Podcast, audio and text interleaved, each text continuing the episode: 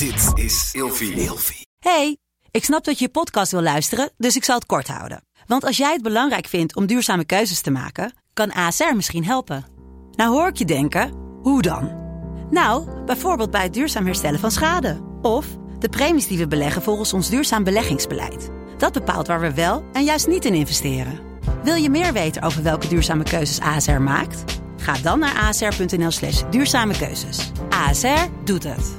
Zo, dan kan je nu lekker naar je podcast luisteren. Weet je, iedereen ziet er hetzelfde uit. Die buitenkant kan je niet meer misleiden. Die is beter dan die. Of die heeft rijkere ouders. Of die, eh, eh, weet ik veel. Eh, dus al die uiterlijke misleidingen vervallen. Waardoor je tot het punt wat ik ook eerder zei. Het gaat om het mens zijn. Het, scenario wat daar opgezet wordt om je militair te maken. Is helemaal geënt op wie ben jij van binnen. Weet je, welk karakter heb je? Uh, wat zet je zelf neer? Ga je over je grenzen, je mentale en fysieke grenzen? En wat breng je voor het team? Wat is dat steentje wat jij bijdraagt, waardoor het team denkt van tof dat jij er vandaag bent?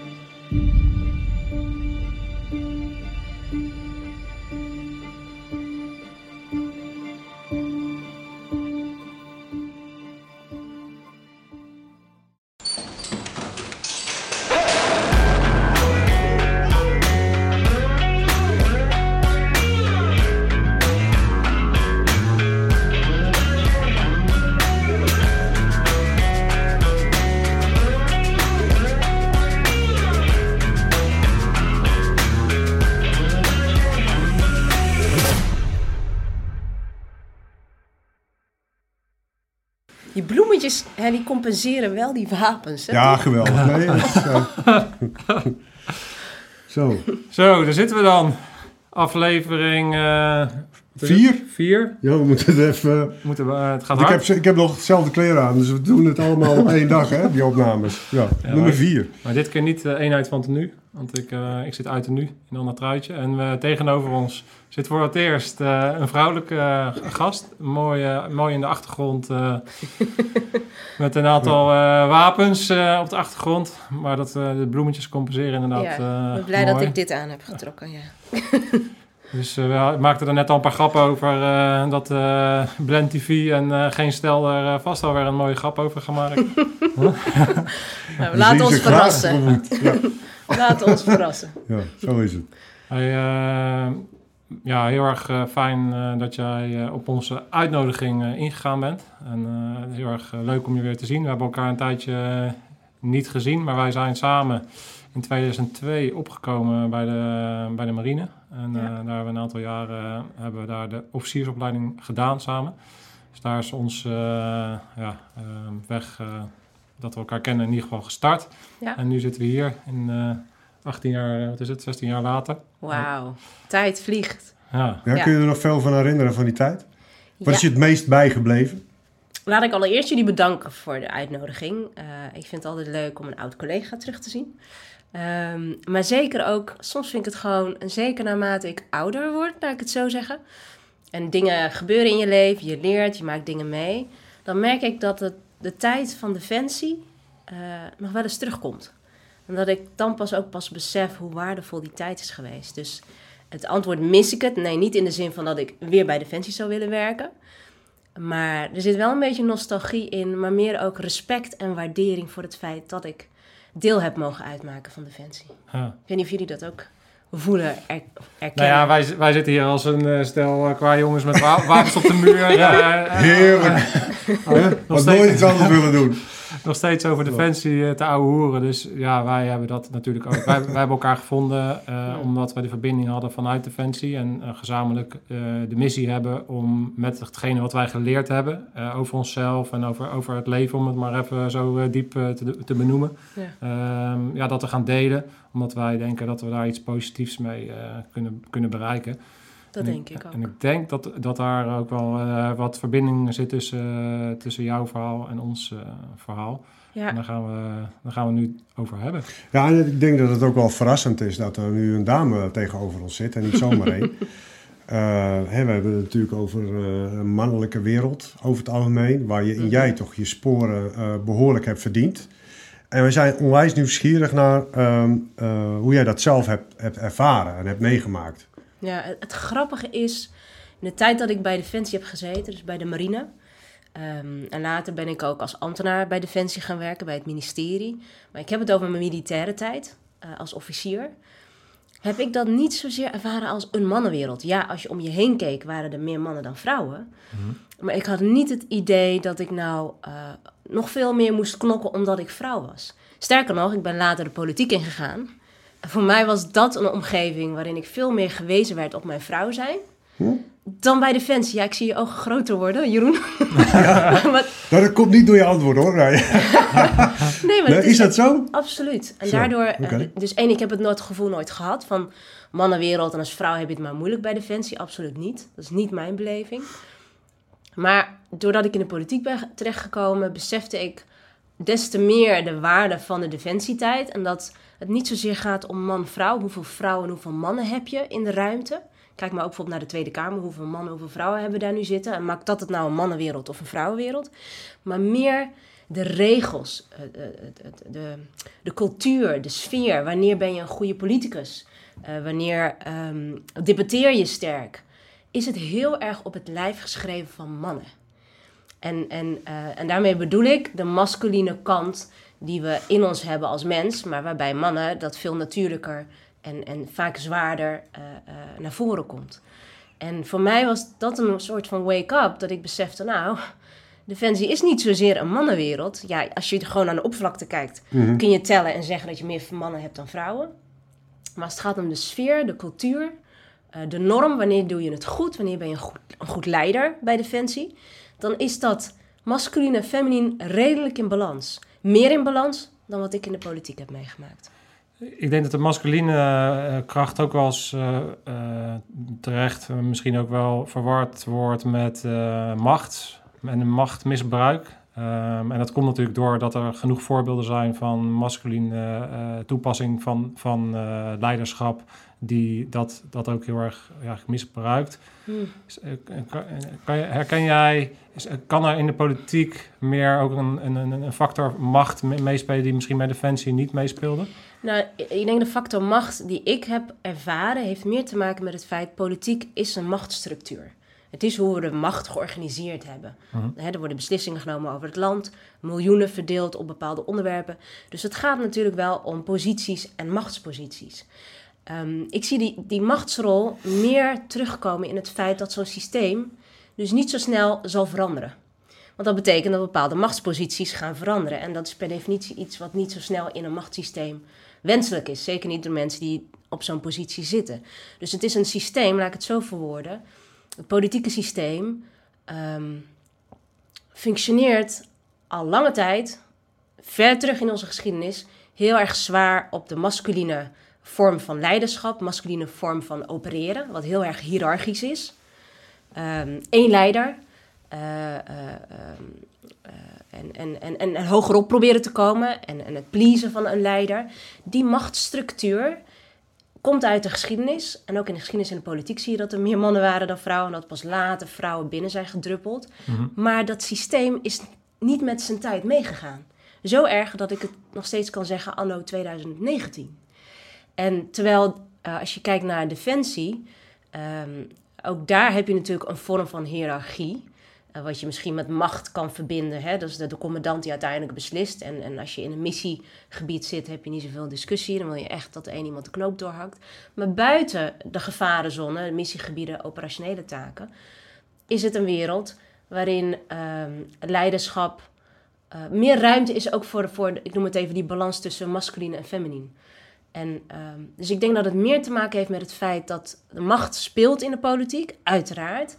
Maar dat dat de reden is waarom zo'n systeem niet met, met haar tijd meegaat. Je kunt nog steeds 80 vrouwen tegenover, eh, eh, wat is het, Ehm 100, eh, eh, eh, eh, eh, wat, 80 vrouwen, nee ja, ik wilde zeggen 150 Kamerleden. Als je 80 vrouwen er neerzet, heb je 70 mannen. En dan nog is het systeem zo masculien dat iedereen zich meer masculien gaat gedragen. Een concreet voorbeeld. Als vrouw in de politiek, als Kamerlid, ehm, om, om serieus genomen te worden, om in een debat over te komen als een, een goede debater, nou, dan moet je niet hoog in je stem gaan zitten. Niet te veel emoties. Je moet je groot maken. ehm, je moet je aanpassen, noem ik het maar even, aan de meer masculine stijl. Ja. Ehm, eh, je kunt heel bot zeggen, je moet je meer als een man gaan gedragen. Eh, en daardoor kan ik nog steeds in een jurkje met hakken binnenkomen. Maar de norm, hoe je wordt gemeten als een goede politicus, is gemaakt op de masculine kant.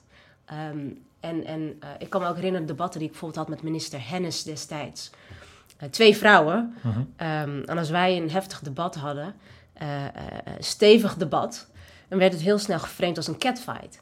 Terwijl als het meneer Hashi was geweest en meneer Hennis, ah, dan was het een stevig debat geweest. Ja. En dat zijn allemaal voorbeelden over die, die politieke wereld, eh, ehm, die er echt laten zien dat, dat het systeem in ieder geval niet van binnenuit verandert, waardoor die echt die ins- intrinsieke balans Ja. komt tussen man, eh masculin en feminien. Eh, iets wat ik me van kan voorstellen is, je bent niet alleen maar een vrouw, maar je bent ook nog eens een keer een, een Marokkaanse in, in Nederland.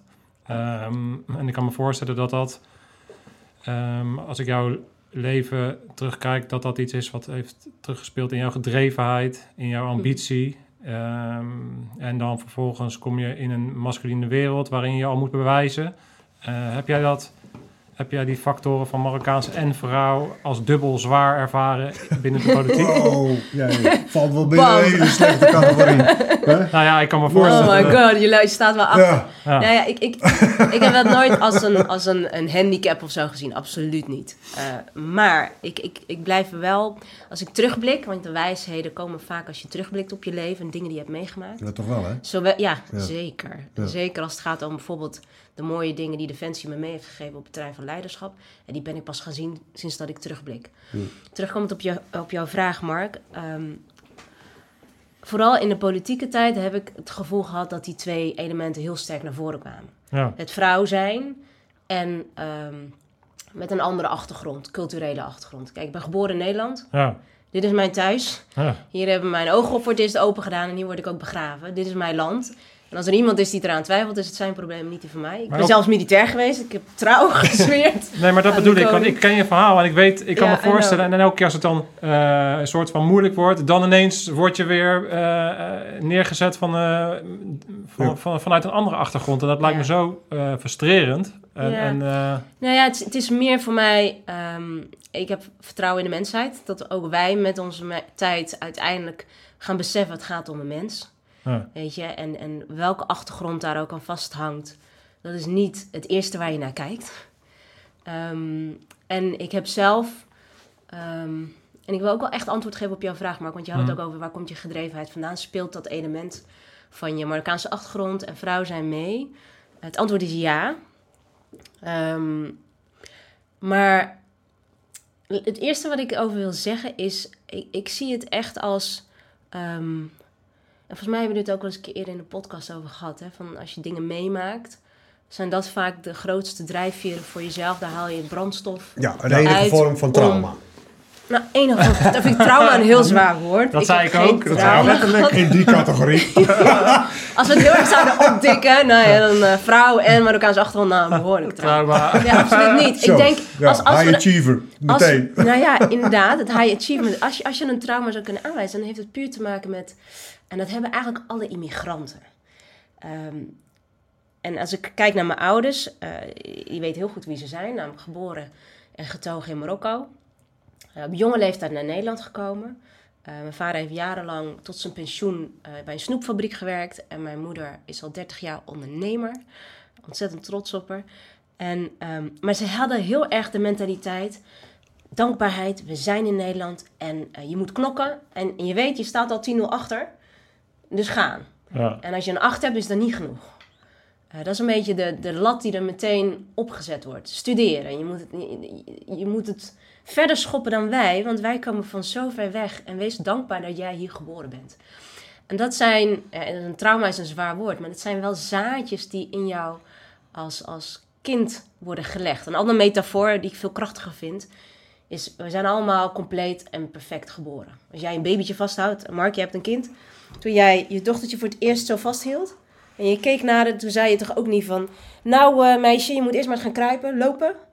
En dan eh, studeren en dan werken en eh, goed verdienen. Nou, en dan ben je pas. Dan ben je goed genoeg. Inderdaad, dat zeg je niet. Nee. Dus kortom, en dat zijn we nog steeds goed genoeg. Weet je, het feit dat je leeft en mens bent, maakt je al dat je meer dan genoeg bent. Alleen ergens onderweg, nou in mijn geval immigrantenfamilie, wordt er een gat ingeslagen. En eigenlijk niet alleen bij migranten, het gebeurt eigenlijk bij ja, heel veel heel veel, ja. gezinnen. Wordt er een gat in je geslagen. Eh, onbewust, het is niet dat je ouders eh, aan je aan het inhakken zijn, maar onbewust eh, creëer je een gat in jezelf die, die tornt aan dat essentie, dat gevoel van dat je genoeg bent. Ja. En heel je leven ben je dan eigenlijk op zoek om dat gat te vullen. Nou, in mijn geval vanuit een immigrantenopvoeding, eh, knokken, je moet het goed doen. Ehm, en, en ik werd ook het meisje thuis die het allemaal goed deed. Weet je, de eerste die ook die ging studeren. Ehm, ik, ik, ik kan me herinneren dat ik eh, terugkeek op mijn rapporten op, op het ateneum, dat ik gewoon vier tienen had. En, en nu denk ik, jezus, what the fuck, wat, hoe, hoe kan vier tienen? Doe even normaal. Ja. En, en toen was dat voor mij, nou, waarom heb ik niet nog meer tienen? Weet je, en dat zit dan zo diep en het heeft me heel veel gebracht. Ik, ik ben ook ergens dankbaar voor, voor dat, want anders was ik ook niet de persoon geweest die ik nu ben. En ook de dingen ik had meegemaakt, die ik heb meegemaakt. De mooie dingen en de minder mooie dingen, maar daar kunnen we ook een uur over vullen. Maar het, zijn allemaal dingen die me gemaakt hebben tot de persoon die ik ben. Dus ik zie ook de mooie kant ervan. Maar in essentie is het wel de grootste drijfveer geweest in mijn leven om daarna ehm, eh, eh, te studeren aan Erasmus. Ehm, met een klein half jaar uitloop af te studeren. ehm cum laude. ehm, daarna te kiezen voor de marine. Nou, daar zie je dus een eigen gereide Mhm. dame die ik ook ben, zie je dan terugkomen. Want dat was ook totaal out of eh, eh, eh, De ja, verwachting. de, de verwachting, zeg maar. En hoe heb je dat binnen, binnen de marine ervaren? Dan kom je dus op dat eh, Kim in Den Helder. Een compleet andere wereld waar je Mhm. dan in terechtkomt. En heb je daar dan hetzelfde ervaren? En Wat ik interessant vond, wat, jij, eh, wat ik volgens mij over je gelezen heb, dat jij daar voor het eerst. Hè? Nou, ik wilde het uit te trekken, maar hij gaat het antwoord Daar voor het eerst, ja, je moet mij Nee. even helpen herinneren hoor, Mark. Ja, het, het- is een floatbal, dus ze snapt wel wat ik bedoel, denk ik. nee, ik denk het niet, zo te zien niet. Nee, nee, ga verder. Nee, wa- wat, wij, wat wij gelezen hebben, ja, dus, eh, ik, heb, hem- ik, heb, Vlootbouw. ik heb hem nu al verpest. Ja, hier, dat was hem. Heb je hem weer? Nee. Wij gaan langzaam de marinetaal weer terugbrengen. in deze Vlootbouw is terug. Ja. My goodness, ja. Afgestompt van je. Ach, ja. Sorry. Nee, wat, wat wij, eh, Wat je gelezen hebt. ja, wat ik la- las in, jouw eh, in jouw e-book, e-book is dat jij voor het eerst het gevoel had dat je daar ehm, een sense of belonging had, zeg maar. Dus dat je daar Ja. juist het wel het gevoel had dat je geaccepteerd werd, zeg maar. En dat kwam omdat, wij hebben dat natuurlijk ook eh, herkend, omdat wij, je begint daar eigenlijk een soort van kaal geschoren aan de streep en je bent helemaal niks. Ja. Maakt niet uit eh, welke kleur, eh, maat of wat je dan ook bent. Je moet eerst gaan bewijzen dat je de standaarden hoog kan houden. En, dan, en die waarde die je daar toevoegt, daar gaat het om, zeg maar. Ja. En dat vond ik dat je dat heel mooi oms- omschreef. En dat je Ja. daardoor het gevoel had van dat het allemaal niet uitmaakte, maar dat, dat het erom ging wie jij bent en wat je kon brengen. Ja, het grappige is, ja, ik, ik kan het nu heel mooi verwoorden. Destijds zag ik dat niet. Nee. Pas later, doordat ik andere stappen heb gezet, ging ik pas inzien van... Ja, dat was echt wel heel, heel sterk is dat opgezet bij Defensie. Ja, wat je net zei, echt letterlijk. Je komt binnen, alles wordt je afgenomen. Iedereen krijgt dat horrible, vreselijke kapsel. Da- de heren... Hebben jullie ook... eh, Ah ja, echt, kort, hè? kort. Echt zo is het eraf geknipt. Zo, hop. Oh, kort. Door een oude man Niet, eh, met, met, eh, een roestige schaar. Ik weet niet of, jij, of jullie dat destijds als nee, mannen mee hadden gekregen. tondeuzen. Klaar. Nou, nee, ja, bij jullie tondeuzen, maar bij ons hadden ze het nog een beetje opgeleukt. We kwamen in die oude slaapzaal van het Kim. Eh, we hadden twee groepen dames. We hadden iets van 20 eh, of 25 dames in totaal, een groep van 12. En dan met z'n twaalf stond je in de rij. En dan kwam je binnen en dan stond er een oude man, een grijze man met een bril en een roestige schaar. En eh, bij de wastafels in die zaal. En dan zag je die wastafel en en de spiegel en dan de kruk. En dan moest je gaan zitten op die kruk. En die was dan precies zo dat je niet in de spiegel kon kijken. en eh, dat is een en al mindfuck. En ja, en ik kan me nog herinneren, mijn moeder had mijn haar al iets korter geknipt. Ik had het veel langer over mijn schouders. Dus die had hem al zo geknipt. Nou, en die man die zei echt letterlijk: Oh, wat heb jij mooie krullen. Hoppa. en die ging tekeer. Ja, en iedereen had gewoon, alle dames, maar ook de heren met dat kaalgeschoren kop, zag er gewoon niet uit. Maar het zorgde, het zijn allemaal van dat soort elementen, bouwstenen, die het gevoel geven, weet je, iedereen ziet er hetzelfde uit. Die buitenkant kan je niet meer misleiden. Die is beter dan die, Nee. of die heeft rijkere ouders, of die, weet ik veel. Eh, dus al die uiterlijke misleidingen vervallen, waardoor je tot het punt wat ik ook eerder zei, het gaat om het mens zijn. de- de- de- het scenario wat daar opgezet wordt om je militair te maken, is helemaal geënt op wie ben jij van binnen. Mhm. Weet je, welk karakter heb je? Eh, wat zet je zelf neer? Ga je over je grenzen, je mentale en fysieke grenzen?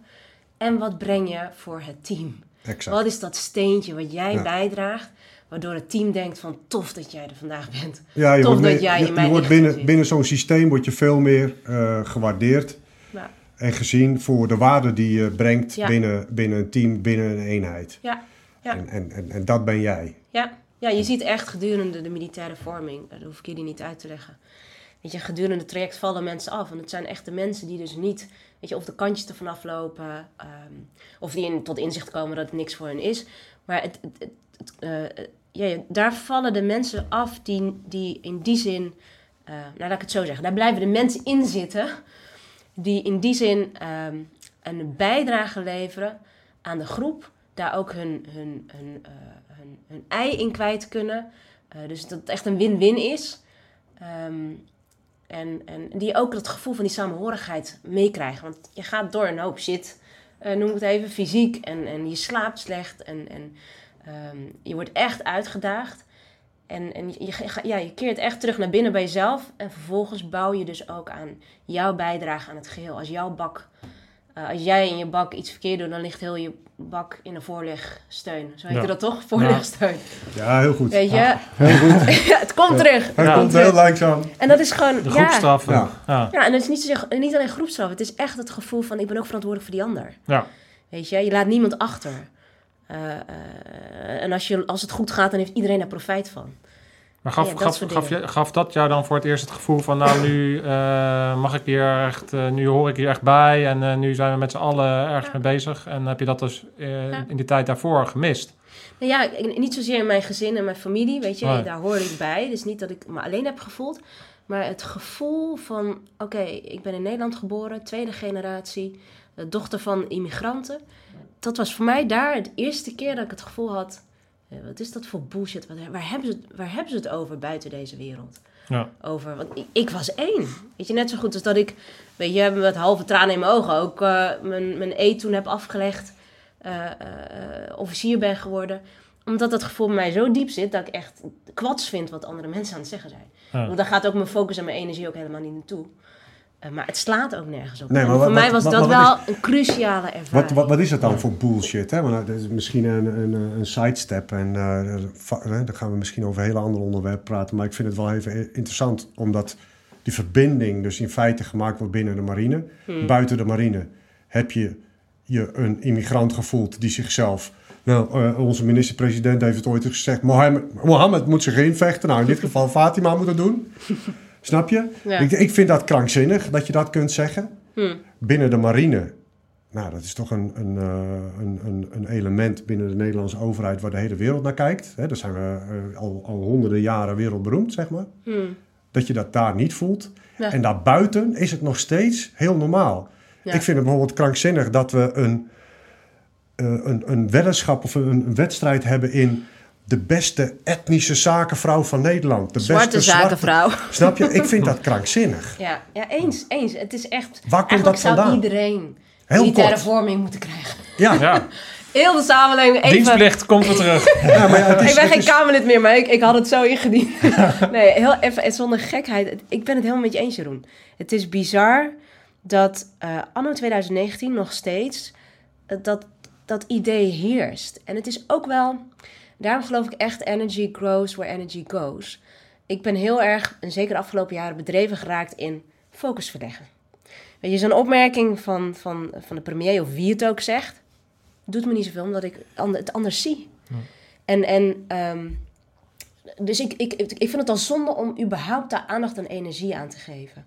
En ehm, ik denk dat het, en, en ik geloof ook, dat zei ik volgens mij eerder ook, dat ik geloof dat er steeds meer mensen beseffen ehm, dat we uiteindelijk allemaal dezelfde struggles hebben, dezelfde pijn, dezelfde uitdagingen.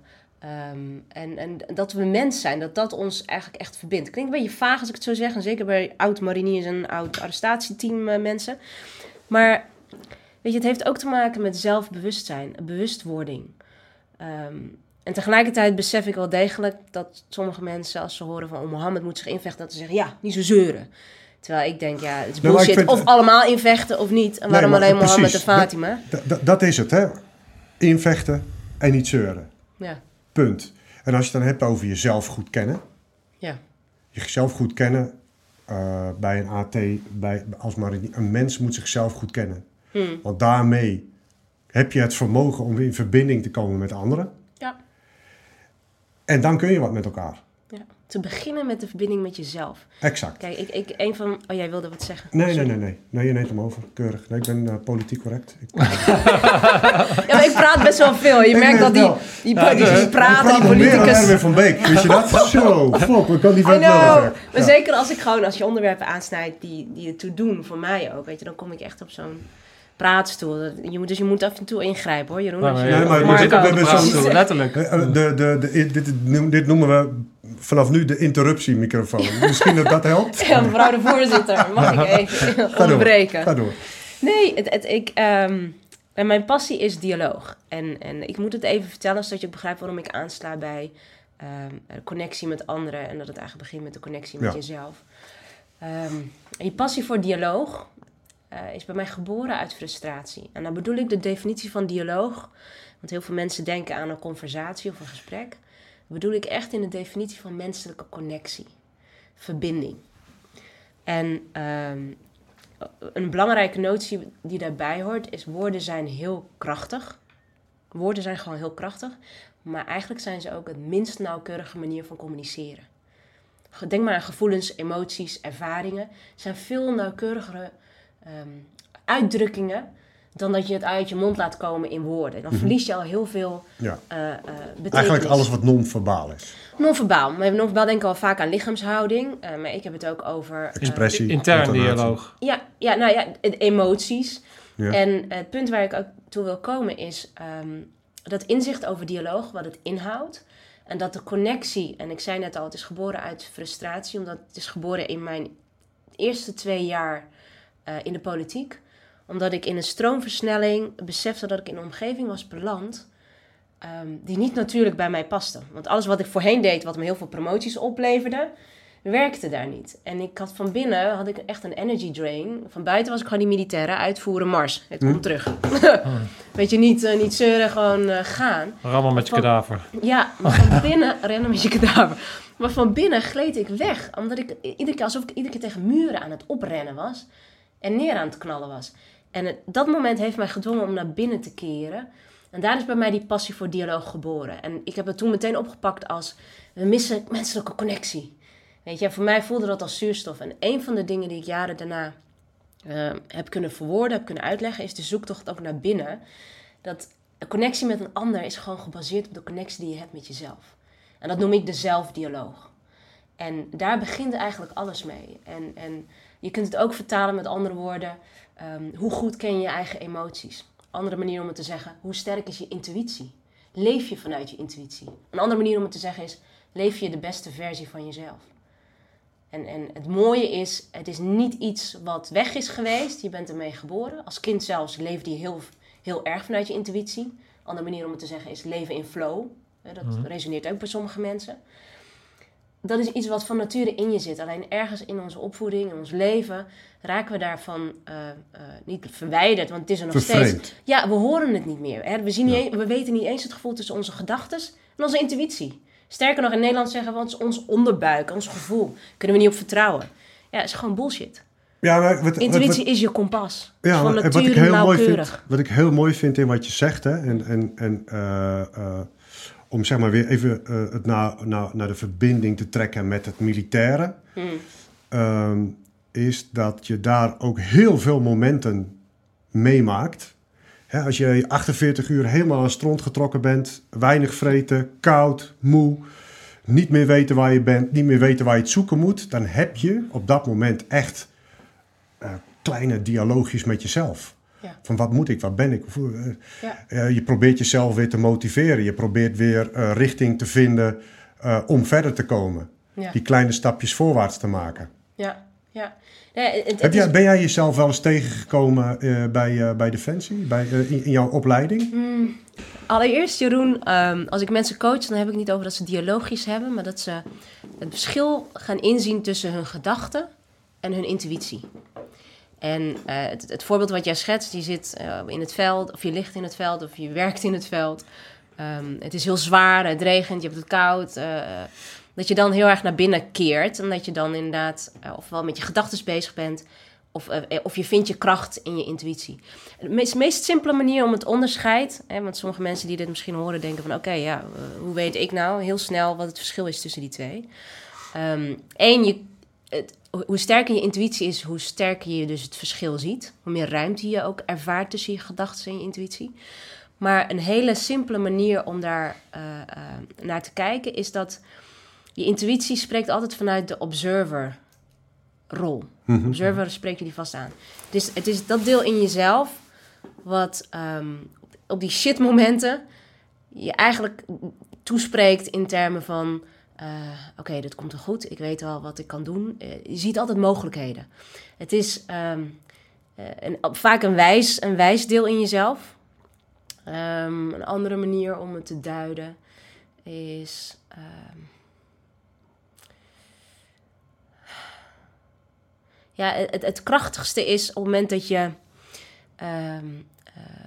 je momenten van rust weet te vinden. Sommige mensen gaan hardlopen, sommige mensen gaan de natuur in, sommige mensen mediteren. Of, of zoeken het gebed op. Er zijn verschillende manieren waarin je uit je hoofd raakt. En dat zijn de momenten waarin je voelt dat je als het ware indaalt. Ik doe altijd deze beweging. Je gaat van hier eigenlijk meer naar, naar, ja, naar je intuïtie die lager zit. Ehm shitmomenten helpen je omdat je dan op een gegeven moment, als je in je hoofd blijft zitten, word je gek. Dus je moet gaan dalen. Dat is vaak ook waarom je eh, ook als militair ook in die modus komt van... oké, ik, ik weet wel wat ik ga doen. Ook al is het stress, ook al gaat het misschien nu even verkeerd in mijn hoofd... dat ik denk van, oh, dit gaat helemaal... dan zoek je die rust op. Eh, Dus vaak vinden mensen het op het moment dat het hier overvol raakt... en als je hierop gaat varen, gaat het mis. Dus je, je, je zakt in en je handelt meer vanuit een wijzer deel in jezelf. Als, je, als ik terugkom op jouw vraag, heb ik dat meegemaakt. In mijn defensietijd was voor mij een tijd waarin ik... Laat, ik eerst zeggen, ik heb heel, vaak in mijn leven vanuit intuïtie geleefd, maar heel onbewust. Dus niet weten het verschil tussen die twee. Maar als ik terugblik, weet je, bijvoorbeeld mijn keuze om militair te worden, dat is voor mij een hele intuïtieve keuze geweest. Rationeel? Nou, er waren er tig redenen van waarom ga jij naar de marine? Waarom word jij militair? Uh, dus er was genoeg in mijn hoofd om uit te leggen waarom ik het niet moest doen. Maar dat was bij mij gewoon heel duidelijk, dit wil ik. Um, dus keuzes maken vanuit mijn intuïtie deed ik, maar heel onbewust. Nu kan ik het beter duiden, maar destijds was het voor mij gewoon. In de defensietijd als militair, ja, zeker bij de moeilijke momenten. Uh, al heb ik hier en daar wel hulp gehad van een sergeant van de mariniers tijdens de militaire vorming. Of van collega's, weet je, die je even iets zeggen waardoor je weer even getriggerd wordt, uit je hoofd raakt. -huh. En dan weer uh, die kracht weer hervindt. Um, dus ja, ik herken het wel. Ik kan het nu ook beter duiden, dat, hoe het voelt en wanneer dat gebeurd is. Maar het is iets wat, wat in je zit. Je intuïtie is er altijd geweest. Als kind was het voor jou heel normaal vanuit je intuïtie te handelen, te reageren, te acteren. En de kunst, vind ik, in het leven is om ja, dat kompas gewoon weer te gebruiken. En de mensen die we vaak op een voetstuk zetten, weet je wel, succesvol of fantastisch, of die spreken, of die leider, die militaire leider, die ons echt inspireert. Voor mij zijn dat mensen die niet zozeer op een voetstuk thuis horen, maar mensen die een voorbeeld zijn, die vanuit hun intuïtie leven. Niet soms, niet soms in flow zijn, maar continu. Ja. Want dat, dat, is ook iets wat we met duizenden woorden tegenaan kunnen gaan gooien om dat uit te leggen. Maar je, je weet gewoon, dit is gewoon tof. Die vent is tof of die vrouw is tof. Ze inspireert mij.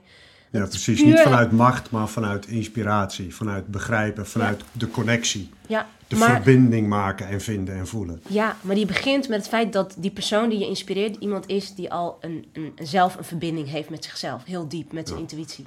En daar vanuit leeft. Nou, ik speel even de advocaat van de duivel. Hè? Want we, ja. wij, wij zijn, wij beneden, uh, ik vermoed dat uh, 99% van, ons, uh, van de mensen die hier naar luisteren mannen zijn. Als ik even ja, heel het erg... wel heel vrouwelijk zo inderdaad. Uh, nee, nou, maar, nou, maar... oh, daar wil ik zo meteen op reageren, maar ga verder. nou ja, precies. Nou, dat is wel precies waar ik ja, heen wil. Want uh, ik kan me voorstellen uh, dat, dat uh, op het moment dat jij het hierover hebt, dat je weerstand krijgt vanuit de mannelijke kant, omdat het vaak mm. Eh, ge- geassocieerd wordt met eh, ja, een beetje zweverig, eh, spiritueel. Mm. Terwijl eigenlijk hè, wij van mening zijn dat die thema's heel erg relevant zijn. En zeker als je op een hoog niveau wil komen binnen, binnen een arrestatieteam Ja. of een antiterreurteam of, of, of bij de mariniers wil komen. Ja. Dat jij juist heel erg eh, bezig moet zijn met jouw gedachten, met jouw Mhm. mindset. Wat gebeurt er intern op het moment dat je het moeilijk hebt? En door dat eh, helder te krijgen wie jij bent, waar je vandaan komt, waar je gedrevenheid vandaan komt, om dat vervolgens eh, op de moeilijke momenten in te kunnen zetten om je ergens doorheen te helpen. Ja. En ook op de momenten dat je moeilijke keuzes moet maken als een leider in kan tunen in jouw intuïtie, zoals jij dat noemt. Mhm. Ehm, dus die thema's zijn denk ik heel erg relevant, maar eh, er hangt wat mij betreft soms nog een beetje een taboe op. En met name eh, binnen, binnen de mannelijke eh, doelgroep. Dat is in ieder geval, wat ik, dat, dat gevoel heb ik. Ik, ik, ik- Ja. is nergens op geënt.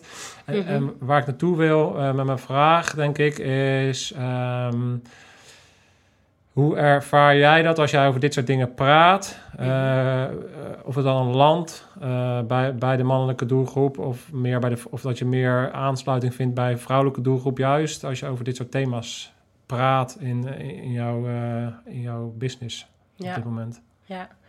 Ehm, ik, ik snap je vraag. En ook het taboe gevoel wat, wat, wat, wat we vaak dan zelf denken. Laat ik beginnen met te zeggen... het is niet iets vaag of zweverig. Weet je wat zweverig is? Als je heel erg vanuit je hoofd aan het leven bent.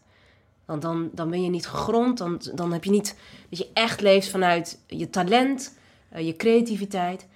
Ehm, en nogmaals, elk mens heeft het. En de, de mensen die we als voorbeeld zien... zijn mensen die vanuit hun intuïtie leven. Ja. Dus intune is één ding. eh, mm, en, en je spier, intuïtiespier trainen is het andere. Maar het is eigenlijk ermee opstaan en ermee gaan slapen. Hoe sterker die intuïtie is, hoe meer profijt je ervan hebt. Je bent dan echt de beste versie van jezelf.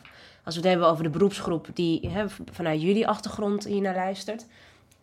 Ik zou bijna willen zeggen, dat is een no-brainer. Weet je, hoe belangrijk dat is. Jullie doen bij uitstek het werk wat eh, gevaarlijk is. Waarin het leven van je buddy in gevaar komt.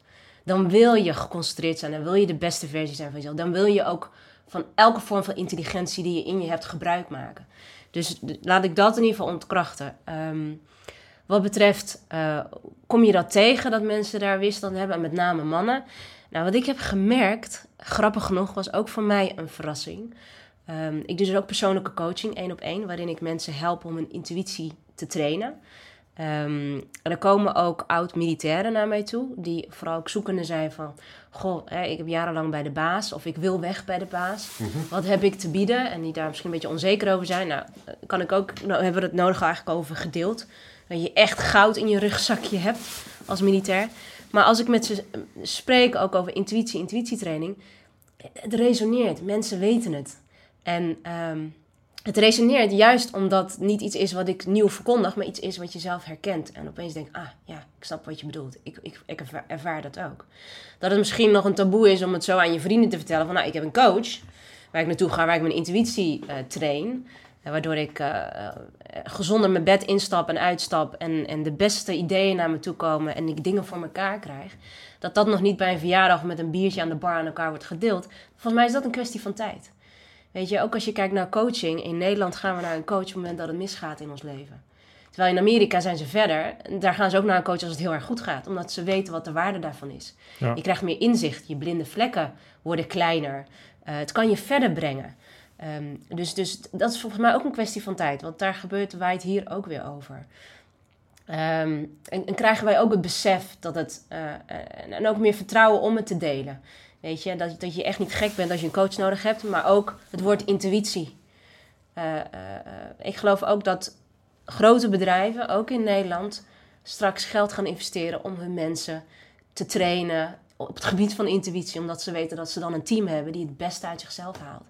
Die niet van 9 tot 5 op, op kantoor zit, maar die werk en privé in die zin één ziet. Want je spendeert zoveel uren op je werk. Je wil ook daar genieten. Het gevoel hebben dat je alles eruit haalt wat er in je zit.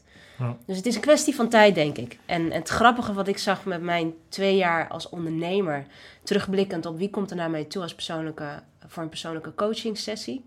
Ehm, ik dacht dat zal een jonge vrouw zijn. Misschien hier en daar een culturele, eh, met een culturele achtergrond, net als ik. Hey, cliché. Ik dacht, ik kijk in de spiegel. Dat is natuurlijk degene die naar me toe komt. Ja. Ja, het bleek dus bullshit. Het grappige is dat meer dan de helft van de persoonlijke coaching clients die ik heb... eh, als ik mensen in een groepje moet plaatsen, want daar hou ik niet van... maar als we het dan toch heel bot even voor de samenleving doen... is het de blanke witte man, eh, eind 30, medium, medium 50... Die, die, die eh, track eh, qua leeftijd, die bij mij aanklopt. En dat betekent dus dat de bewustwording is er. Ja, maar het- maar- we zijn nieuwsgierig, zou dat ook iets te maken kunnen hebben met een midlife crisis? Nee, dit is een, dit is een, dit is een flauwe grap. Nou, ik denk Maar, nou ja, ik, ik weet het niet. Maar niet wat, midlife. wat, wat ik bij mezelf heb geconstateerd, hè, is dat bij mij later ook pas het besef kwam dat eh, bezig zijn met, met je mind, bezig zijn met je spirit, eh, je kunnen terugtrekken. eh, dat is bij mij pas op veel latere leeftijd ontstaan. Het besef dat dat heel belangrijk is om beter te functioneren. En als ik zeg maar terugkijk naar die tijd, maar dan kijk ik ook even naar Mark, dan. hè, We hebben volgens mij in andere podcasts ook hard op de vraag gesteld: van als wij dat nou hadden geweten, in die tijd al, hadden we dan beter gefunctioneerd? Als leider. Als leider, eh, als, als teamlid, eh, als operator. eh, eh, en, en mijn antwoord is dan ja. En dat zit hem met name in de, in de verbinding tussen eh, je teamleden. En die verbinding die was altijd heel sterk. Iedereen eh neusde dezelfde kant op. ehm, eh, zelfde doelstelling, daar gaan we voor, dat gaan we halen. En dat ging ook, hon- 99 van de 100 keer ging dat goed. Echt fantastisch. Maar we, we- als ik heel eerlijk ben, zijn, hebben ook heel veel mensen daarin verloren. En waarom? Omdat die zeg maar binnen de cultuur op een andere manier daarin pasten. Maar als mens en als operator uitstekende eh, functionerende mensen waren. En ik denk dat het hem daar zit. Ik denk dat als er meer spiritualiteit binnen een cultuur heerst, dat dat normaal is, ga je ook meer mensen binden.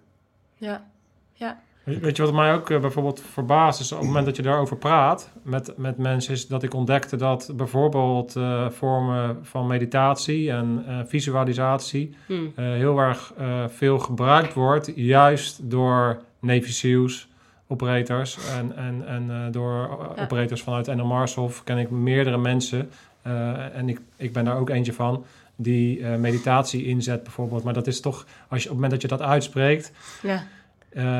en dat, is, dat zit dan in dezelfde categorie als waar we het net over hebben als je het hebt over intuïtie. En, en, en dan, dan, wordt dat, dat, dat wordt Ja. toch geassocieerd met, met een. Ja, van. eh, Zweverig, Pussy. Pussy.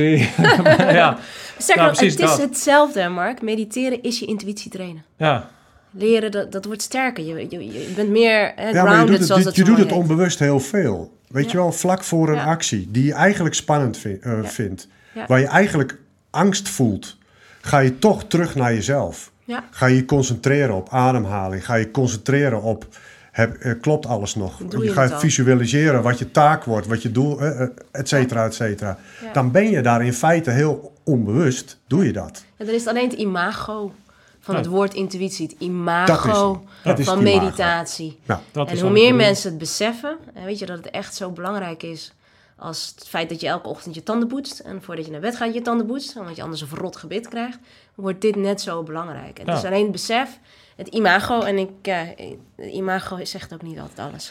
Nee, je mag Daar heb ik eigen ervaring mee. Oh, vertel. Ander onderwerp. alright. Now we're talking. Hup, gas erop. Ja. Stel jij hem of vertel ik hem? Oh god, ik heb wel gewoon zelf al bal op de stip. Ja, moet ik gaan keepen. Ja. Zijn jullie het Ja. met me eens? Dat imago niet altijd, weet je, dat we dat veel te belangrijk maken. Imago Waardoor we veel te te veel gefocust zijn op wat anderen van ons vinden. In plaats van heel die energie te stoppen in gewoon de beste versie van jezelf leven. Nou ja, dat, dat, dat, dat is iets waarom, waar wij het 100% mee eens zijn. En wat ik denk ik ook bewonder in, in jouw strijd, is dat jij met een bepaalde ehm, bagage het leven gestart bent, als het ware. En daarin jij je eigen weg hebt gevonden. En nu, eh, door je eigen bedrijf te starten en naar jezelf te luisteren, ondanks alle verwachtingen de politiek uit te gaan.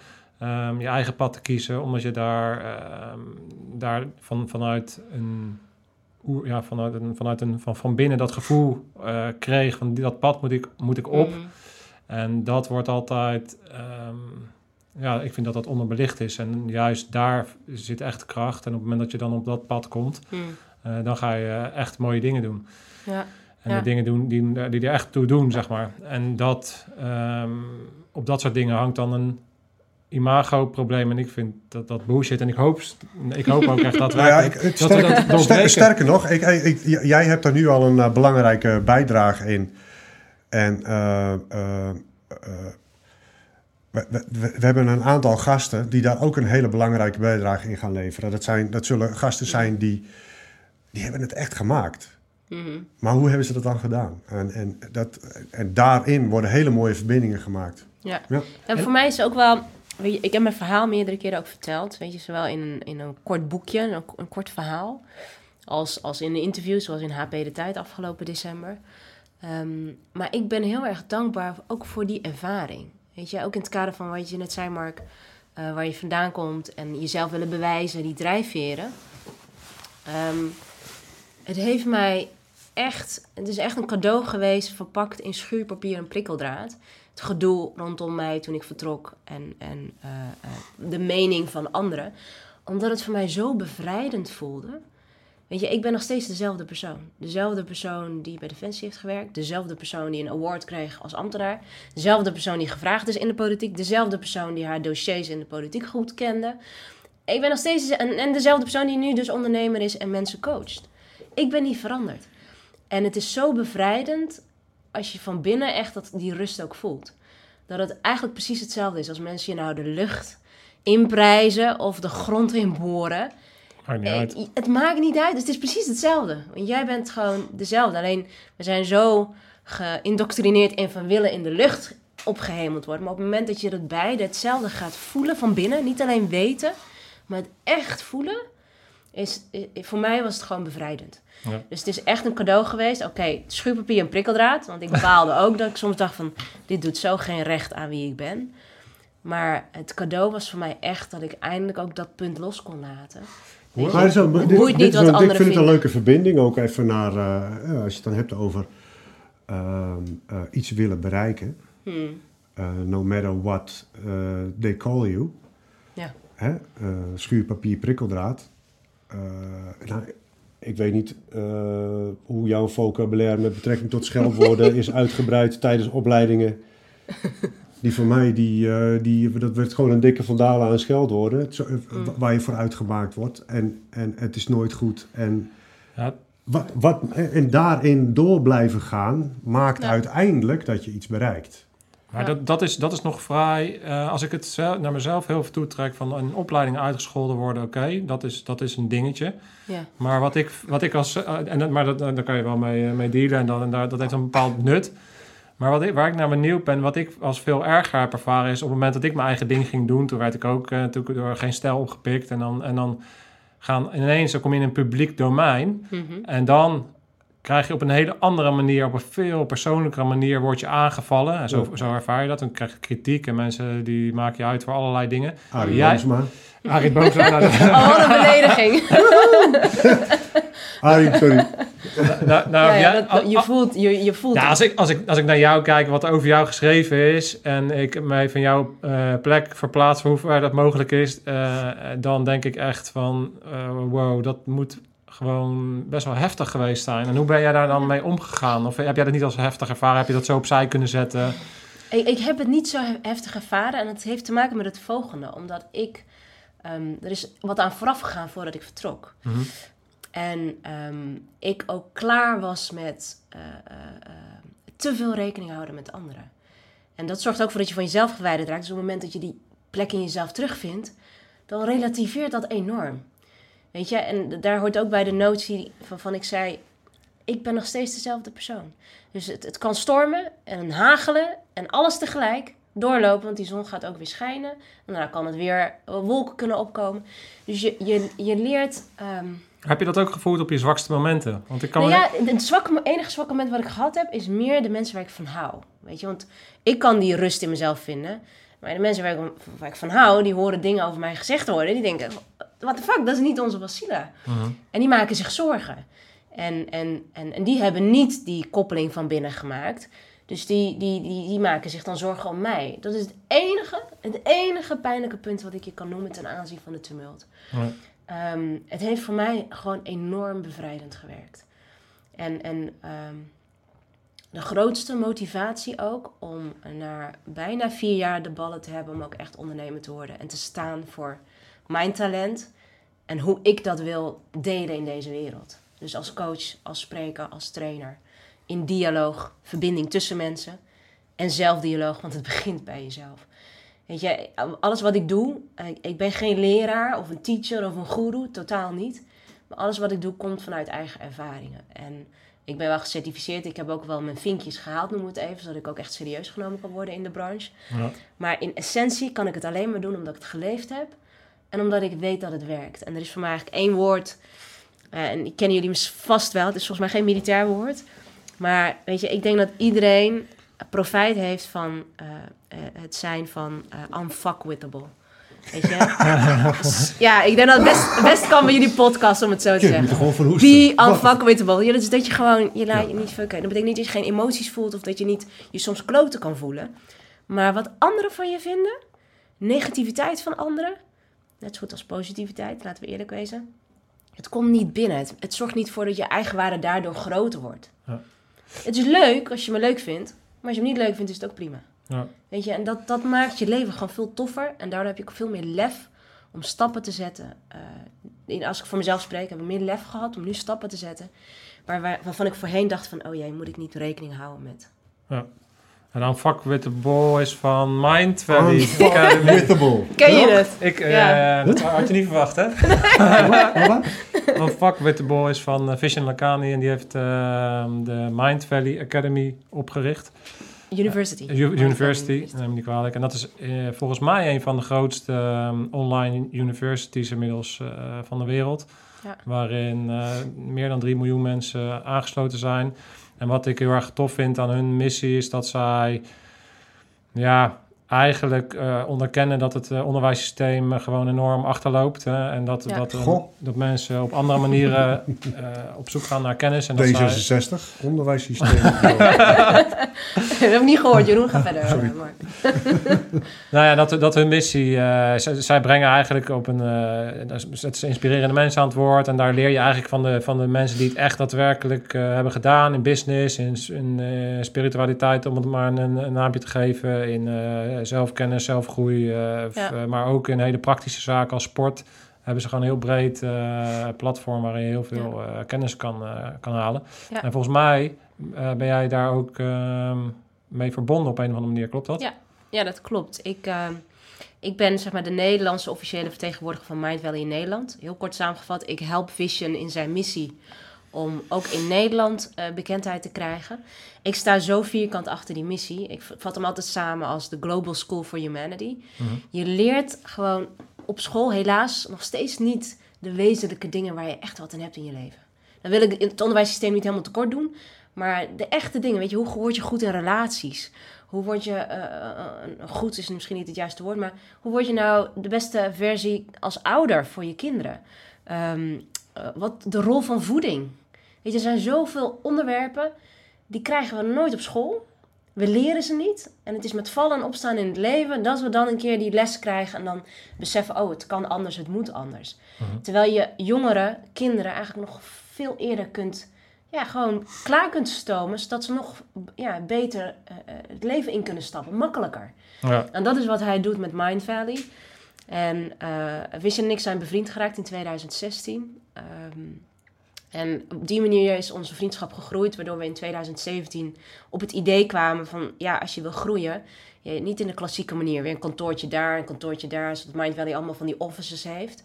Ehm, maar het systeem van begin met ondernemers, waar je bevriend mee bent, waar je vertrouwen in hebt, waarvan je ook zegt van die brand van mij hier, daar mag jij mee aan de haal. Ehm, eh, begin met die mensen en die brengen je brand verder.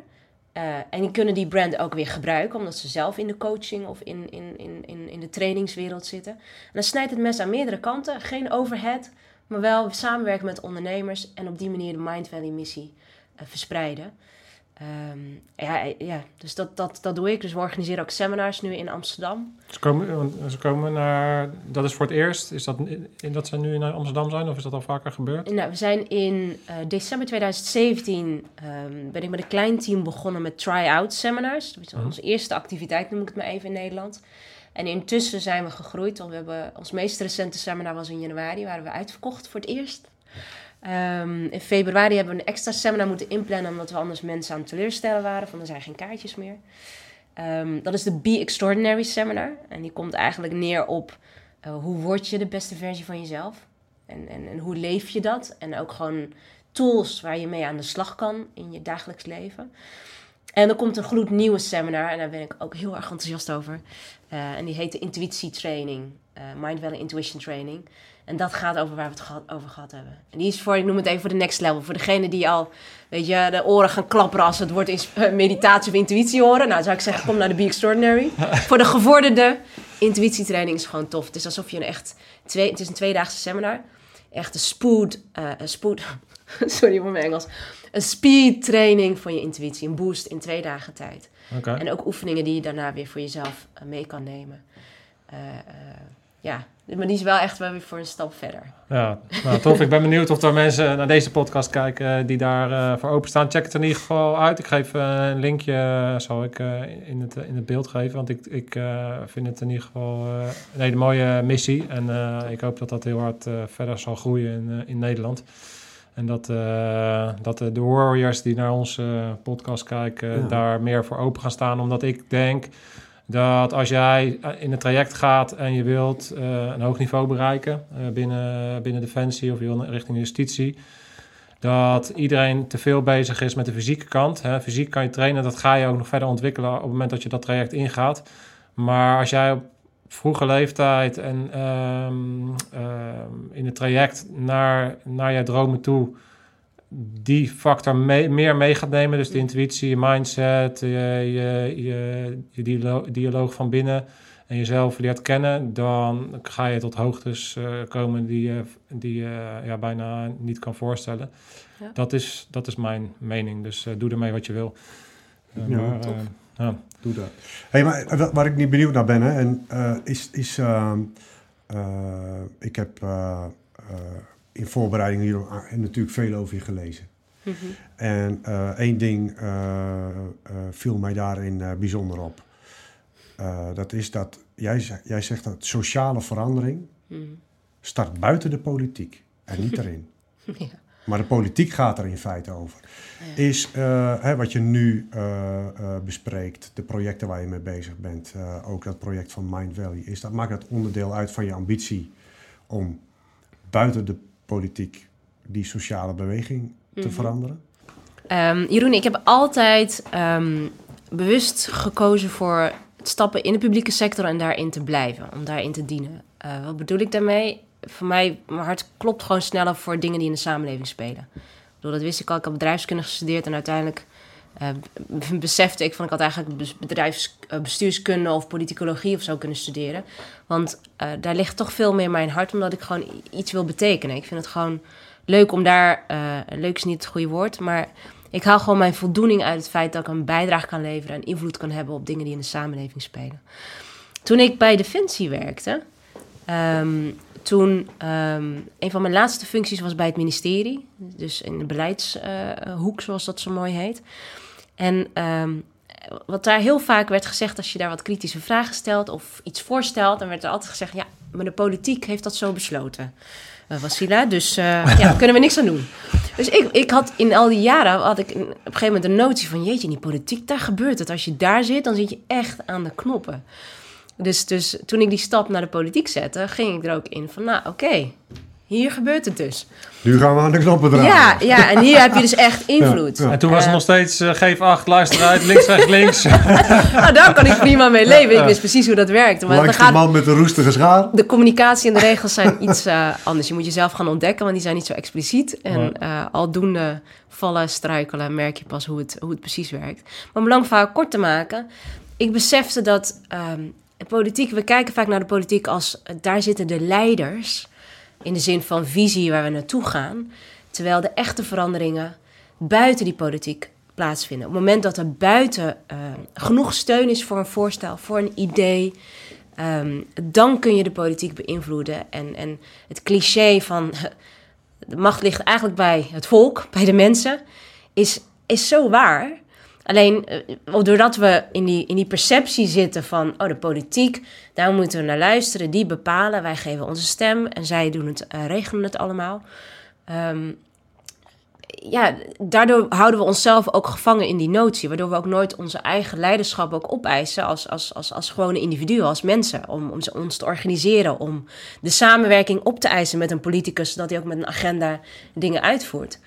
um, en, uh, en dat is een inzicht wat ik niet had voordat ik de politiek inging, totdat ik daarin heb gezeten. De politiek kijkt ook heel erg van wat, wat willen de mensen.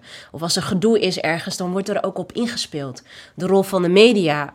Um, uh, de support uh, die, die, uh, die je ergens voor probeert te krijgen. Um, we onderschatten de, het, gewicht wat de wereld buiten de politiek heeft op besluitvorming in de politiek. Het is, het is echt een, een. Hetzelfde inzicht kwam ik ook toen ik in het kader van Defensie woordvoerder was in de Tweede Kamer. Want ik dacht, nou, nou zit ik in die politiek. Nou, al die dingen die ik tegenkwam als beleidsmedewerker bij het ministerie. Dus even zien.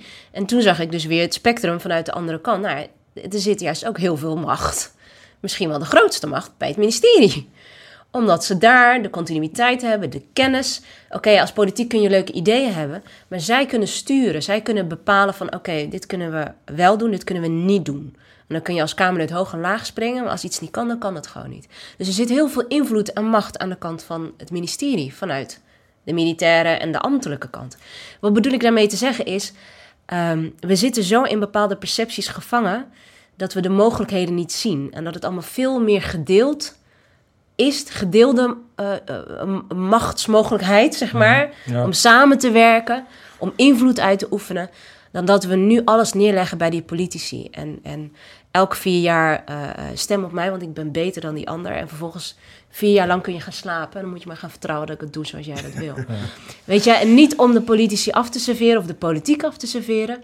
Maar het is achterhaald. En ik zou bijna willen zeggen, wake up, word wakker. De politici moeten eigenlijk een tandje lager gaan zingen... en de samenwerking opzoeken met de mensen. En de mensen moeten een tandje bij doen... Ja, ja en hun rol opeisen dat, ze invloed willen hebben. Je, je, ziet dat ook wel steeds meer gebeuren. Hè? Dat er organisaties uh, uh, zich ontwikkelen mm -hmm. door, dat, uh, door government fa failure. Hè? in Amerika is zo'n organisatie die vanuit crowdfunding wordt gefinancierd. Ja. En gewoon mensen die vinden van, ja, ik wil daar geld aan geven. En die mensensmokkel... die, me ja, die, die, die, die human traffickers. dat zijn allemaal lui die uit uit de specialistische wereld komen en denken van ja, maar ik, ik, ik word hier tegengehouden in, van, in wat ik wil bereiken. Ja. En die stappen daaruit ja. en die gaan het precies hetzelfde doen. En die lossen, oh. Die, die, die komen met panklare oplossingen, leggen ze zo op tafel, zo van nou, dit zijn ze. Mm -hmm. Hup, je hoeft ze alleen nog maar aan te houden. En het ja. gebeurt niet. Want er, is, er is geen ruimte voor. Of, het, ja. is zo raar is dat. Ja, maar, maar weet is, je, het is... is het voor jou ook de reden geweest dat je uiteindelijk ervoor hebt gekozen om dat de, de politiek te verlaten en nu een ander spoor hebt gekozen? Want wat ik daarin ook vergelijk, uh, wat, ik, wat wij ook allebei eigenlijk hebben, is dat wij ook wel het gevoel kregen van, ja, uh, nu ben ik, nu sta ik in Afghanistan, voor mij dan. En uh, hoeveel is mijn invloed nou? En uh, dat ik ook wel eens het gevoel heb van, ja, soms zijn er andere wegen om op een ja. betere manier te dienen. Ja, ja, sterker nog, voor mij is het echt één op één door te trekken. Waarom? Door die ervaring in de politiek, wat ik net zei, als een wake-up, van haal, haal dat, doorzie dat de, dat, dat de invloed die we buiten de politiek hebben enorm is dat daar de potentie ligt. En dat politici eigenlijk ons aan het volgen zijn. In plaats van dat we naar hun aan het kijken zijn in termen van leiding. Als, we dat, als, we, als je dat doorbreekt, uh, en voor mij is dat inzicht dus gekomen doordat ik zelf in die arena heb gestaan, anders had ik het ook niet gezien. Door daar zelf zes jaar in te werken, te zien hoe het werkt, hoe ook uh, de druk is van, oh jee, als er maar van buitenaf geen gedoe is. Um, maar gewoon ook echt het dienen. Zo heb ik hem ook echt ervaren. Het is geen job, je bent volksvertegenwoordiger. Dus voor mij voelde het van nature alleen het systeem En ook doordat wij, ik noem het maar even met z'n allen een beetje aan het snurken zijn en denken van nou, politiek op dat voetstuk en wij hebben maar te volgen en zij bepalen en we zijn machteloos. Doordat dat in stand wordt gehouden, ehm, was voor mij een van de belangrijkste redenen, en dat, daar komt ook Mind Valley om de hoek kijken, maar laten we beginnen bij mijn passie voor dialoog, is dat ik een bijdrage wil leveren aan die bewustwordingsgroei. Omdat ehm, het een, een, een, bewustwordingsslag die al gaande is. Langzaam maar zeker. Ehm, eh, het feit dat het allemaal nog niet meteen in structuur en het politieke systeem niet erop is aangepast. En, en, en, en dat we het nog niet meteen met onze vijf zintuigen meteen kunnen zien. Oké, het is de wereld is veranderd en mensen zijn veel meer bewuster. Dit, is, dit heeft gewoon puur te maken met het is een kwestie van tijd. Maar alle symptomen tot aan Donald Trump eraan toe... zijn allemaal symptomen dat, dat er dingen aan het borrelen zijn. Dat er dingen aan het veranderen zijn. Um, maar, maar, maar, maar, maar snurken we? Of worden we in snurk gehouden? Beide. Het is, we houden het in stand met z'n allen. En mijn belangrijkste drijfveer na mijn ervaring in de politiek en ook om de politiek uit te gaan, is om um, een bijdrage te leveren aan het wakker worden van mensen. Hoe ziet het er dan uit, wakker worden? Hoe ziet het er voor jou uit? Voor mij is dat, en ik, voor, dat, voor mij is het ook echt iets wat ik zelf heb doorlopen en, en nog steeds aan werk, want het is een ongoing proces, mhm. is dat je echt beseft um, dat de, echte kracht zit in jezelf. Weet je, uh, dat is, ik noem het even op microniveau, wat er gaande is. Dat je als individu, als mens, ook degene die nu luistert, beseft de externe power, alles wat buiten mij om is. Hè. Mijn imago, zorgen dat ik dit geregeld heb. Die huis, die vrouw, die kinderen. allemaal dingen buiten mij om regelen om, om het idee te hebben dat, dat het goed komt, dat ik controle heb het is een illusie. De echte authentieke kracht zit in jezelf. Mhm. En uh, als je die op microniveau, op individu-niveau ziet en snapt, dat je van daaruit je leven leeft en daardoor dingen creëert die waardevol zijn, um, die succesvol zijn, op welke manier je het ook wil duiden, maar die ertoe doen, waardoor je als het als het morgen het licht uitgaat, je met een gemoedsrust weg kan gaan, omdat je echt het gevoel hebt dat je geleefd hebt en een bijdrage hebt geleverd. Dat is echt iets wat op microniveau is. En als je hem doortrekt naar meerdere mensen die leven vanuit hun authentieke kracht, vanuit hun intuïtie, hoe je het ook wil noemen, um, maakt dat de wereld ook, ja, mooier klinkt alweer zo zweverig, maar dat, dat er dingen veranderen ten goede. Is dat voor jou leiderschap? Ja. En voor mij begint leiderschap op het individu. Je bent al leider op het moment dat je je eigen leven aan het leiden bent. Mhm. Dus leiderschap is niet iets van ik sta voor de troepen. Ja, dat kennen we natuurlijk van Defensie. Maar leiderschap dat, dat, dat, dat, dat is ook een vorm hoe je het uiteindelijk terugziet.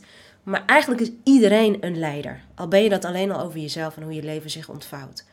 Ehm, eh, dus voor mij was dat hetgeen wat ontbrak toen ik in de politiek zat. Hetgeen wat mij ook dwong om naar binnen te keren. Hetgeen wat mij ook dwong om eh, te bevallen, noem ik het maar even, van dialoog. En vervolgens heeft het vier jaar geduurd.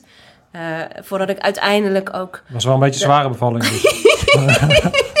Ja, dat was een inkoppertje, toch? Of niet? Ja, ja. Echt een floatbal. Echt een floatbal. Maar, maar even, even serieus, in die zin is het wel... Um, mijn drijfveer geweest, beseffen van oké, hier gaat het niet gebeuren. Aan, aan het systeem rammelen in de politiek gaat ook niet werken. Sterker nog, dan kun je verwachten dat je tien mensen in je rug krijgt. Dan lig je er nog uit en heb je helemaal niks. Dus voor mij was het echt, uh, ik wil het systeem niet afserveren, het moet anders. Maar één, welke verandering wil ik dan? En, en ben ik dat zelf echt? En twee, ik zie dat het buiten die politiek om gebeurt. Terugkomend op jouw vraag, Jeroen. De sleutel ligt buiten de politiek om. En dat is de reden waarom ik iemand als Vision Lakiani van Mind Valley op mijn pad ben tegengekomen. En ik vanuit mijn politieke kant iets zei, hij vanuit zijn kant. En we bedoelen hetzelfde. We willen bijdragen aan de bewustwording van mensen.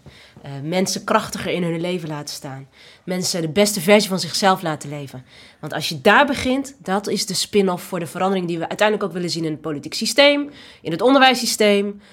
Elk probleem die we tegenkomen in deze wereld is geen militair probleem, geen politiek probleem, geen ambtelijk probleem, geen financieel probleem, maar een spiritueel probleem. Namelijk ons als mens. Hoe leven wij en leven wij vanuit onze kracht, vanuit onze intuïtie?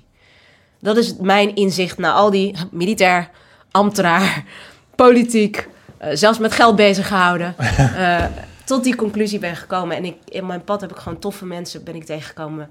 Waarin het gewoon, we helpen elkaar. Ik help Vision met zijn missie. Hij helpt mij. Ehm, eh, eh, en zo zijn er meer Mind Va- Valley authors. Voor degenen die het leuk vinden, google het. Lisa, meer Nichols. mensen, ja, Lisa Nichols. Maar er zijn meer mensen die dus allemaal op hun eigen vlak dus hetzelfde uit aan, aan het doen zijn. Namelijk mensen wakker schudden, mensen bewuster maken.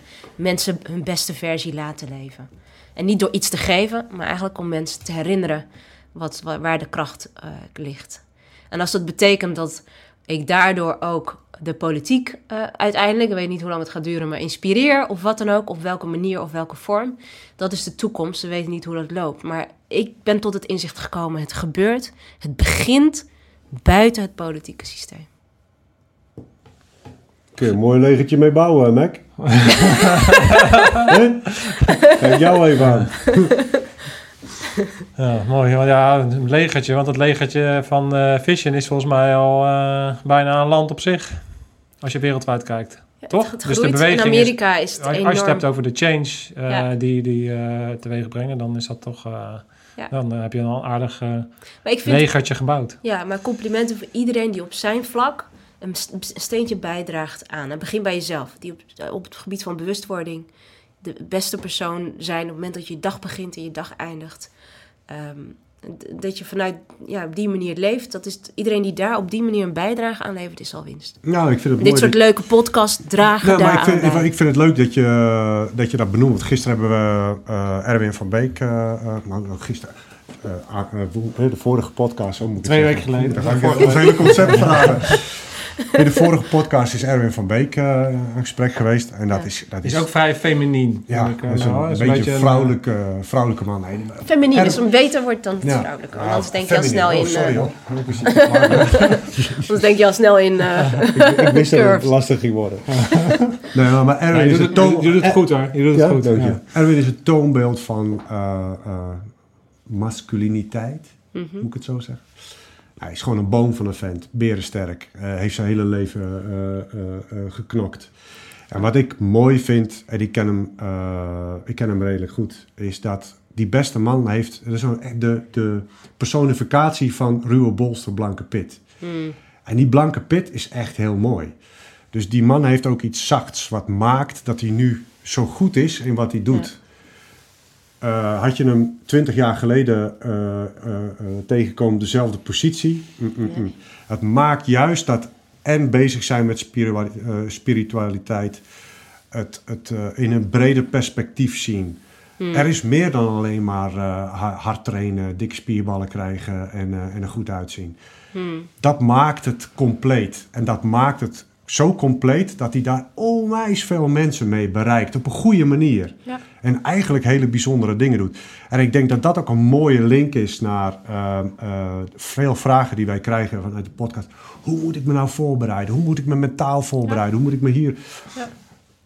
Zoek je spiritual, eh, spiritualiteit. Dat is hem. Ja. Mo- Moeilijk Stoep. woord hè. Stoep. Ja. Ik vind het ook een compliment voor jullie met de podcast. Want de podcast is ook, weet je, je, je- je- dit is ook authenticiteit. Het komt ook vanuit jullie authentieke kracht dat je dit wil doen en wil delen. Dus jullie leveren ook een bijdrage aan de wake-up van anderen en het helpen, het inspireren. Dus, dus onderschat niet al, alles wat er gaande is op dit vlak. Het is een optelsom van, van alles wat er speelt. En daar, dra- daar dragen jullie ook bij, aan bij. Nou ja, uiteindelijk Ja.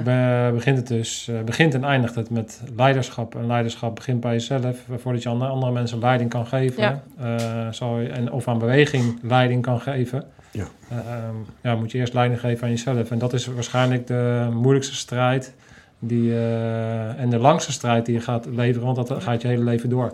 Ja. Dus ehm, Ja, mooi gezegd. ja. Fucking hell, Mac. moet je een tissue? Punt. Niks meer aan toevoegen. tissue, ja, ja. Sorry, wat moet ik nou nog zeggen dan? Ja. Nou ja, wat, eh, ik vond het heel, eh, heel bijzonder om met, eh, met jou in, in gesprek te gaan. Eh, zo hebben wij ook eventjes onze softside eh weer eh, wat moeten... Ja, alles overboord wat er vandaag gedeeld Maar is. dat was even een sidestep. Volgende keer gaan we gewoon weer rammen, beuken, vieze dingen zeggen, scheten laten en eh, anekdotes uit, eh, uit een, eh, een verle- ver verleden terughalen. Huh?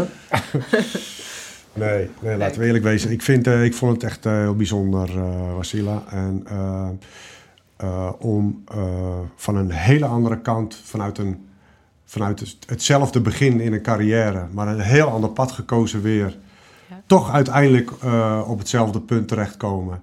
En dat is, eh, wat wil ik doen, wat wil ik bereiken en ik wil iets betekenen. En ik denk dat dat ook voor veel mensen, zonder dat ze het waarschijnlijk weten, onbewust een, een motivatie is om Ja. bijvoorbeeld naar eh, Defensie te gaan of naar de politie of wat je ook eh, kiest. Maar het moet betekenis hebben. Ja. Wat ik mooi vond, wat ik echt mooi vind, is om te horen dat je dan binnen zo'n bedrijf als de marine, en dat verwacht je eigenlijk niet, hè? dat is ook heel tegenstrijdig van nee, joh, ik kom uit een bepaalde hoek, namelijk ik ben Marokkaans, ik ben nog vrouw ook, hè? Hoe, hoe hard moet je vechten om ergens te komen, Eh, dat je dan binnen zo'n bedrijf voor het eerst voelt dat dat niet uitmaakt. Want iedereen is hetzelfde. Ja. En dat is heel tegenstrijdig. Het is niet tegenstrijdig, het is de perceptie die we met z'n allen hebben. Nou, dat zal het zijn. Jij, Alsof eh, dat, jij dat de waarheid dus, is. eh, maar- Nee, helemaal niet. maar, nee, in de tegenstrijdigheid bedoel ik van... eh, eh, dat is misschien het verkeerde woord. Je, zou, je, je verwacht niet dat het daar juist gevonden wordt. Ja, en ik vind In een militaire, Ja. mannelijke, harde Ja. structuur. Dat je daar de gelijkheid vindt.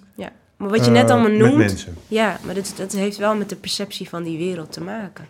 Ja. Terwijl het voor mij, doordat ik erin zat... Ik begreep het waarom, waarom het voor mij voelde als de plek waar ik dat voelde. Ja. Waarin ik me thuis voelde en dacht van... Nou, het speelt helemaal niet dat ik die twee achtergronden heb. Dus het is... eh, ik, het is alleen meer dat ik het ben gaan zien... doordat het, dat het een perceptie is die de, die de buitenwereld een hele andere op nahoudt. Doordat ik eh, eh, andere ervaringen heb gehad. Ja.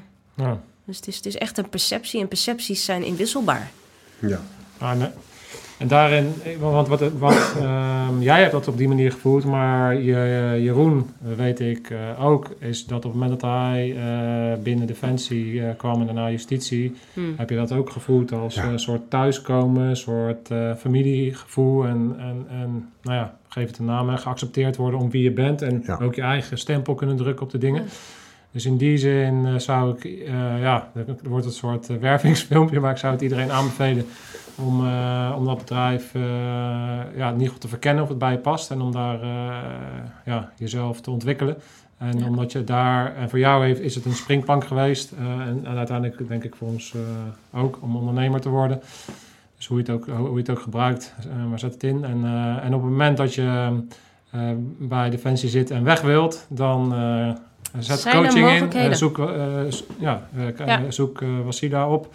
Ja, ik En, help je graag herinneren aan het goud wat je in je rugzakje hebt. Ja, want, want, want het ehm, besef hoeveel je waard bent als je bij Defensie zit, dat, dat begint pas echt als je, als je eruit gaat. En Hmm. daarbij kan coaching je enorm helpen. Ja. En eh, tof dat je daarin eh, ja, eh, je weg aan, het- aan het vinden bent. En op die manier ook oud-collega's kan helpen. Dus dat vind ik ook tof. Ja. Ja. Hoeven me niks uit te leggen. Ook die afgestompte termen. Heerlijk. Lekker is dat. ik vind het wel Je grappig om dus het in weer te horen. politiek wat meer moeten gebruiken. Eigenlijk wel. Oh, daar- zijn ze al een beetje mee bezig.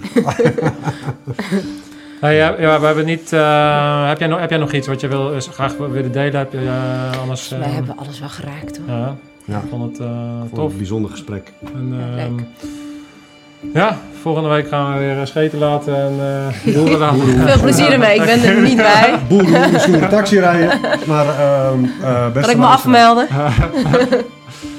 En Wasila, hartstikke bedankt. En eh, succes met, jou, eh, met jouw missie. Graag gedaan. Ik vond het heel erg tof om met jullie te spreken. Dankjewel, je vrij. Scherp, scherp, uit.